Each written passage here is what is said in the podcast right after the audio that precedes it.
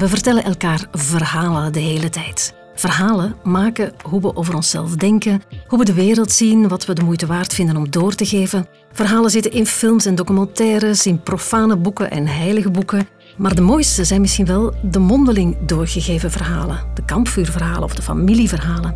En de relaas is daar, zou je kunnen zeggen, een hedendaagse vertaling van. Relaas brengt mensen met een verhaal samen met mensen die live naar dat verhaal luisteren. En ze maken er wekelijks een podcast van. In deze aflevering hoor je Kaat. Kaat beslist op een bepaald moment om haar gefortuneerde leventje om te gooien en straathoekwerkster te worden. Maar haar eerste dag in Nieuw-Gent drukt haar met de neus op de feiten. Haar en ons. Luister. Luister. Dit is Relaas.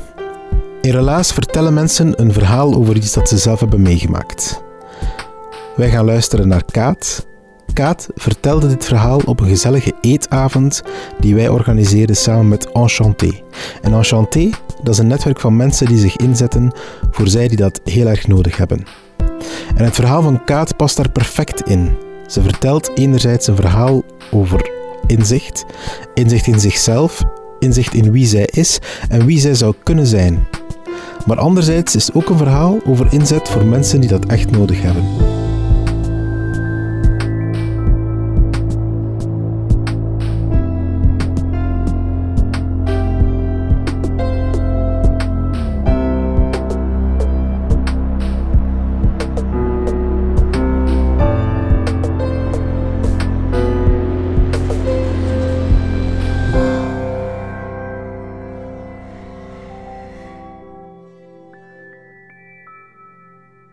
Is januari en ik loop over de korenmarkt. Ik heb net in de H&M een paar kleren gekocht. Allee, een paar. Het is zo'n grote zak dat als je je armen strekt, dat je nog niet de volledige oppervlakte kunt bedekken. En als je dan weet dat ik 25% personeelskorting heb en dat solden zijn, dan weet je pas echt hoeveel kleren dat er in die zak zitten. Dus ik loop over de korenmarkt en ik ben super trots op mijn aanwinst. En in het portaal van de kerk, van de Sint-Niklaaskerk, zitten drie gasten. Die zitten daar gans op hun gemak. Het is, het is koud. Die hebben kapotte schoenen aan, maar die zitten daar op hun gemak een pintje te drinken. En ik passeer daar. Ik zie die gasten zitten. En net door de eenvoud, omdat zij daar zo op hun gemak zitten, word ik geconfronteerd met mijzelf. Net door het simpele van dat, van dat gegeven wordt er een spiegel voorgehouden voor mij. En ik denk van, jij hypocriete trut.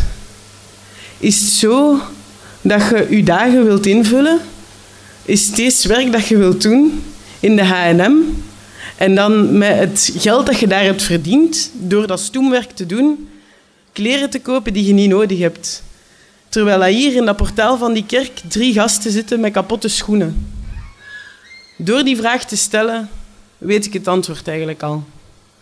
Dus ik ga naar huis, ik ga op het internet en ik zoek naar vrijwilligerswerk. Ik vind dat in de nachtopvang, ik doe daar een paar maanden vrijwilligerswerk en door met die mensen daar te babbelen, merk ik dat ik niet alleen hypocriet ben, maar ook geprivilegeerd. En dat dat oké is, maar dat ik de energie en de draagkracht die ik heb door mijn ondersteuning en mijn netwerk en mijn achtergrond, dat ik die beter kan aanwenden om mensen te helpen die die energie even niet hebben. Dus ik ga werken met jongeren die geplaatst zijn door de jeugdrechter. En ik ga werken in project Leegstand. En uiteindelijk land ik in straathoekwerk, waar ik nu dus ook nog werk. September 2017 ben ik daar begonnen. En elke straathoekwerker die begint, die gaat ook zo even met collega's meelopen in die wijk, om die wijk te leren kennen, om te zien hoe dat je je onderdompelt, om te zien hoe dat je te gast bent. Want dat is de essentie van straathoekwerk. Wij komen niet hulpverleners spelen, wij zijn te gast. Daarom zijn het ook onze gasten.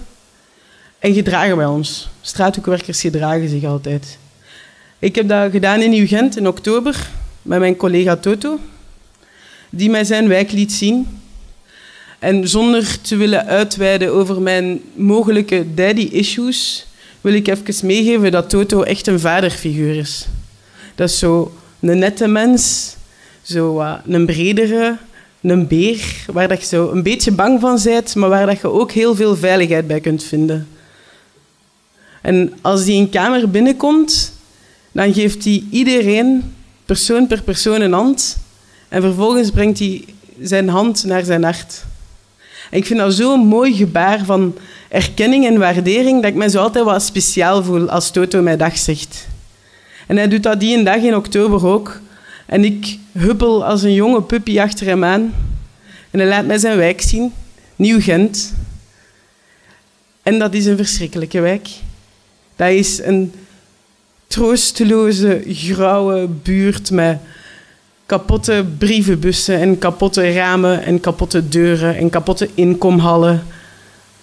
En dat pakt, dat pakt u sowieso als je daar rondloopt. Dat pakt op uw adem door de geur. Dat pakt op uw humeur door de troosteloosheid. En we gaan gans naar boven in een van die appartementsgebouwen. En Toto zegt op zijn vaderlijke manier dat ik niet te dicht bij de rand mag komen. Om mij vervolgens te laten zien waar dat er een paar weken geleden iemand over de rand is gesprongen. We wandelen door de gangen, volledige gangen die gekraakt zijn. Nu, onze gasten willen daar zelfs niet, als ze een sociale woning krijgen toegewezen, ze willen daar niet wonen.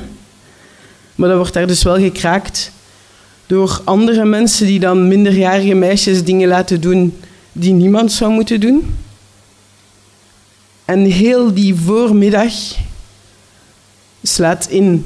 Dat, is, dat komt op u af en je ruikt en je ziet en je hoort van alles. Alles is daar openbaar, want je kunt geen privéleven hebben in een appartementsgebouw waar dat de muren zo dun zijn, waar dat de deuren zo kapot zijn. Dus ik voel mij volledig overdonderd en ik denk van, wow, fuck, ik kan deze niet aan. Allee, en wat zegt dat over mij als straathoekwerkster als ik deze niet aan kan? Het is te veel voor mij. En tegelijkertijd denk ik, serieus, hoe arrogant zijde. Dat je zegt dat je nog niet eens simpelweg één voormiddag kunt komen observeren in uw Gent. Er zijn andere mensen die hier wonen, die hier kinderen proberen op te voeden, die hier s ochtends naar hun werk moeten vertrekken en s'avonds moeten thuiskomen. Of erger nog, die geen werk hebben en die hier gewoon godganse dagen moeten zitten. En dan ga je even zeggen dat je het niet zo aangenaam vindt om hier een voormiddagsje rond te lopen. In een van die vuile gangen worden we aangesproken door Germaine. Germaine is een buurvrouw. En ze zegt tegen Toto...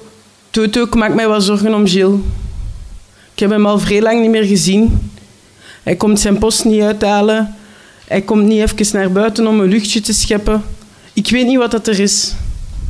En Toto zegt... Ja, Germaine, je weet dat ik niks kan beloven, maar ik zal eens gaan horen. Dus we gaan naar de overkant van de gang en we kloppen aan. Achter die deur horen we wat geschuifel en gemompel. Maar het is niet duidelijk of dat de persoon erachter doorheeft wat er nu van hem verwacht wordt. Dus Toto klopt nog eens. Hij zegt... Gilles, het is Toto van straathoekwerk. Wil die eens open doen, alsjeblieft? Dat geschuifel wordt een beetje luider. Een deur wordt geopend. En in de deuropening staat er een chauffeur manneke zijn blik naar beneden gericht. En weer is precies alsof hij niet doorheeft wat er nu van hem verwacht wordt. Hij schuifelt naar binnen en wij schuifelen rustig achter hem aan. We zetten ons in de zetel. En Toto vraagt: Gilles, hoe is het met u? En ik denk bij mijn eigen: wat een overbodige vraag. Hoe is het met Gilles? En tegelijkertijd bedenk ik mij dat het misschien niet zo slecht is om hem daar eens te laten bij stilstaan. Dus we wachten op een antwoord. Maar dat komt niet. Gilles zit in zijn zetel en hij zit te trillen. Een beetje gelijk ik nu misschien. Ehm, en hij pakt een blikje Gordon-pils. Hij klikt dat open. Hij brengt dat trillend naar zijn mond. En hij kapt dat voor de helft leeg. En Toto zegt, Gilles, heb jij nog gegeten sinds dat ik hier ben geweest? En Gilles reageert niet. Dus Toto zegt, Gilles, heb jij sinds donderdag nog gegeten? En Gilles antwoordt, welke dag is het vandaag? En ik slik. Toto zegt, het is dinsdag, Gilles. En Gilles kijkt alsof dat hij niet snapt wat dat die concepten betekenen. Alsof dat hem geen inhoud meer kan verbinden aan een woord. Of dat wij nu dinsdag of vlag of tafel hadden gezegd. Dat was allemaal hetzelfde geweest. Ik weet het niet, zegt hem. Ik weet het niet. En hij brengt een sigaret naar zijn mond, of hij probeert het toch, want die valt uit zijn trillende lippen nog voordat hij die kan aansteken. En Tutu zegt, Gilles, mag ik eens naar uw huisdokter bellen? Gilles knikt, schudt iets ertussenin. Dus Toto belt en de huisdokter verzekert ons dat Gilles deze keer wel zal opgenomen worden en dat hij wel zal geholpen worden en dat hij niet na drie dagen op straat zal gezet worden omwille van zijn multiproblematiek die te moeilijk is om aan te pakken. Hij moet gewoon nog even volhouden. Hij moet gewoon nog even meewerken. Gewoon nog heel even. En dat komt allemaal goed. Dus we beslissen samen met de huisdokter om een ambulance te bellen. En plots moet dat snel gaan, want Gilles wordt opgenomen. En deze keer, deze keer gaat echt voor lang zijn. Hij gaat niet na vier dagen uit de UPSI gezet worden. Nee, nee, nu is het echt voor lang. En hij moet mee. En hij moet zijn gsm-lader hebben. En hij moet proper onderbroeken hebben. Want je moet, allez, als je opgenomen wordt, moet proper onderbroeken hebben. Dus zitten alles te zoeken. En opeens staan die ambulanciers daar. En die vragen aan Gilles of dat, of dat hij zijn papieren heeft. En of dat gaat lukken zo, bla bla. Gilles gaat mee, wij allemaal naar de lift. En dat is zo een veel te kleine lift, waarin dat je niks kunt verhuizen. Maar wij stappen daarin met vijf. En we staan veel terecht, gelijk dat je in de trein staat, zo wat ongemakkelijk bij mensen die je niet zo goed kent. En ik kijk naar Gilles. En ik heb het gevoel, gelijk in een kindje dat net een vogel tegen het raam heeft zien vliegen. Van, je weet niet of dat je dat beestje mocht oppakken en in je handen houden en laten weten dat, je, dat wel goed gaat komen. Of dat je dat beestje moet laten liggen, omdat als je het oppakt, dat zich misschien nog meer pijn doet. En Gilles zit al de hele tijd naar beneden te staren. En hij mompelt iets. Maar ik versta hem niet. En ik wil zijn stilte niet afpakken. Ik wil niet de persoon zijn die zegt, wat zeg je? Dus ik zwijg. En Gilles herhaalt. En deze keer versta ik het wel. En hij zegt... Help mij.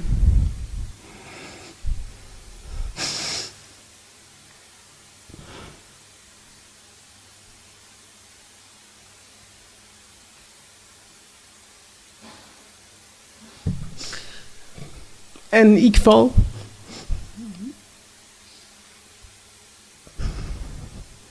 Keihard. En tegelijkertijd word ik een beetje kwaad. Een beetje heel kwaad. Van, wat helpt mij? Wat zitten we te doen, denkt je? Wat, wat kunnen we nog meer doen? Allee, Gilles. We hebben, we hebben samen met u naar onderbroeken gezocht. En we hebben met de huisdokter gebeld. En toen dat je viel, toen dat je... Ik weet niet waarom dat je achterover viel, maar toen dat je viel, ik had u toch. Ik had uw arm vast en ik heb u in de zetel gezet. Wat, help mij. We zijn ondertussen zeven verdiepingen gedaald. En niemand heeft iets gezegd. Ik stap als eerste de lift uit. Zo gezegd doelgericht, alsof ik weet waar ik mee bezig ben. Maar je kunt aan mijn rug niet zien dat ik de tranen verbijt. De ambulanciers leiden Gilles naar hun voertuig. En Toto zegt hem nog een paar bemoedigende woorden. En ook ik hoor mezelf zeggen... Ja, succes hè Gilles. De ambulance rijdt weg. En plots is het alleen Toto en ik en dat uitstervende geluid van die sirene die weer kaatst tegen die vuile gebouwen. En ik begin te blijten. Ik stotter en schrik en snotter. En Toto, Toto weet niet wat dat hij moet doen. Hij schrikt ook. Hij zegt het ook, Kaat, ik weet niet wat ik moet doen. En hij pakt mij in zijn armen. Het enige wat dat hem op dat moment moet doen. En hij pakt mijn gezicht in zijn handen en hij zegt: Kaatje, dit is de realiteit, hè? En ik glimlach door mijn tranen heen en ik zeg: Ik weet het, Toto. Maar nu even niet. Nu even gewoon niet. En hij kijkt me aan alsof hij zich schuldig voelt voor mijn verdriet, alsof dat hij dat zou moeten oplossen. En ik glimlach nog eens en ik zeg: Toto, het is goed dat ik ween, hè? Zolang dat ik weet waarvoor dat ik ween, weet ik waarvoor dat ik vecht. Je luisterde naar Kaatje, dit is de realiteit. Een aflevering van Relaas en Relaas is lid van podcastnetwerk luister.be. Luister.